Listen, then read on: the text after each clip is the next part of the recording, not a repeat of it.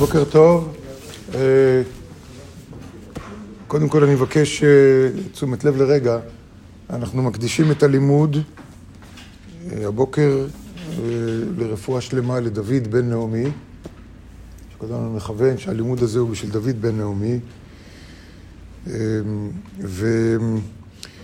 ואתמול דיברנו על ההבדל בין, ה... בין מוסר ובין התורה. אבל התחלנו לדבר על הנושא הזה. ואמרנו שמוסר או אתיקה זה המצאה של בני אדם, כמו שכותב הרב אשלג, כמו שכתב, ומכל זה רחוקים הם אחד מהשני כי רחוק מחשבת הבורא מן מחשבת הבריות. כי התורה נמשכת ממחשבותיו של הבורא יתברך. מהמחשבה של הבורא. המחשבה של הבורא היא לא כמו המחשבה שלנו, אמרנו את זה אתמול. לא מחשבותיי, מחשבותיכם, אומר הנביא. ותורת המוסר באה ממחשבות בשר ודם ומניסיונות החיים שלהם. ועל כן ניכר ובולט ההבדל שביניהם. הן בכל הנקודות שבבחינה השימושית והן במטרה הסופית. כי הכרת הרע והטוב המתפתחת בנו על ידי תורת המוסר, יש לה יחס רלטיבי להצלחת החברה. איך אנחנו קובעים מוסר? מה, מדוע חברה קובעת מה מוסרי, מה לא מוסרי? כל חברה יש לה את המוסר שלה.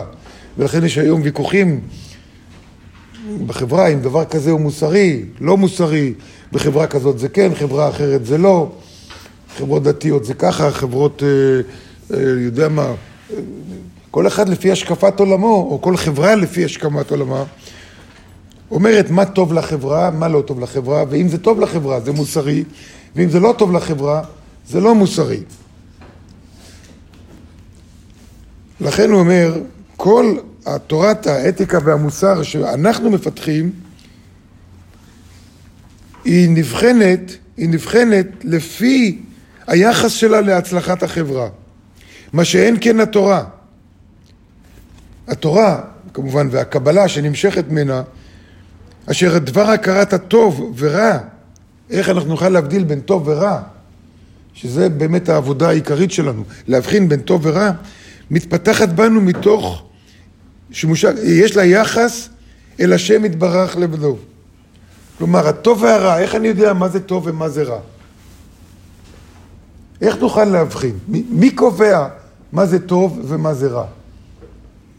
אז לכל אחד מאיתנו יש את השקפת עולמו, וזה בסדר.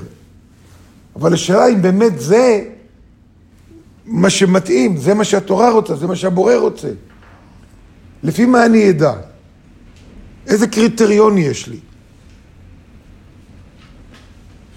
מכיוון שכל אחד מאיתנו הוא שלוחה של הבורא, כל אחד מאיתנו הוא חלק, הוא ניצוץ, הוא חלק אלוקאי ממעל, כל אחד מאיתנו, כל נשמה היא חלק מהבורא, לכן כל מה שטוב לנשמה זה טוב, מוחלט, מוחלט. כי מה שטוב לנשמה, כל הנשמות של כולנו, נכון שאנחנו, האופי שלנו שונה אחד מהשני, אבל, אבל מה שטוב לנשמה זה, זה, זה שווה לכולם. אתם רוצים את זה בדרך אחרת? אני אגיד את זה אחרת. מה שטוב לתיקון שלנו, זה טוב. כל מה שטוב לתיקון שלנו. ברור שמה שטוב לתיקון שלי זה לא לפגוע באף אחד. נכון? זה, זה חד משמעי. ומה שטוב לתיקון שלי זה ללמוד לאהוב את הזולת יותר ויותר ולהגביר את היכולת שלי יותר ויותר. אז זה נמצא ביחד, ביחס ישיר לבורא. אין בזה אינטרפרצציה, כן או לא. כן, אתה יכול אולי לתפוס משהו, אני חשבתי שזה לטובתו, או חשבתי שזה לטובת הנשמה שלי, אז טעויות כאלה אפשר. אבל בשביל זה יש את המפותחים שבחברה, בשביל זה יש צדיקים ומקובלים, וכל אחד לוקח על עצמו את הצדיק והמקובל שהוא בוחר לו והולך בדרכו, שהוא, אם יש לך איזו התלבטות, הוא יגיד לך, זה טוב, זה רע, זה מוסרי, זה לא מוסרי, זה טוב לנשמה שלך, זה לא טוב לנשמה שלך. אבל זה הקריטריון היחידי. מה טוב לנשמה, ולכן הרב תמיד אומר שהתורה ניתנה בשביל הנשמה, בשביל הנשמה, לא בשביל השכל, לא בשביל הרגש. לא בשביל מה שבני אדם חושבים שזה מוסרי או לא מוסרי. נכון, לניהול חיי החברה, לניהול חיי חברה, רוצים לקבוע אמות מידה מוסריות, או לפי החוק, כדי שיהיה חוק וסדר בחברה. קובעים מה מוסרי, מה לא מוסרי, ועכשיו יש ויכוחים, מי שעוקב אחרי החדשות, את הוויכוחים הקשים שישנם, והם ויכוחים קשים. עד כמה בית משפט יכול להתערב בהחלטות ממשלה? איפה נקודת הגבול?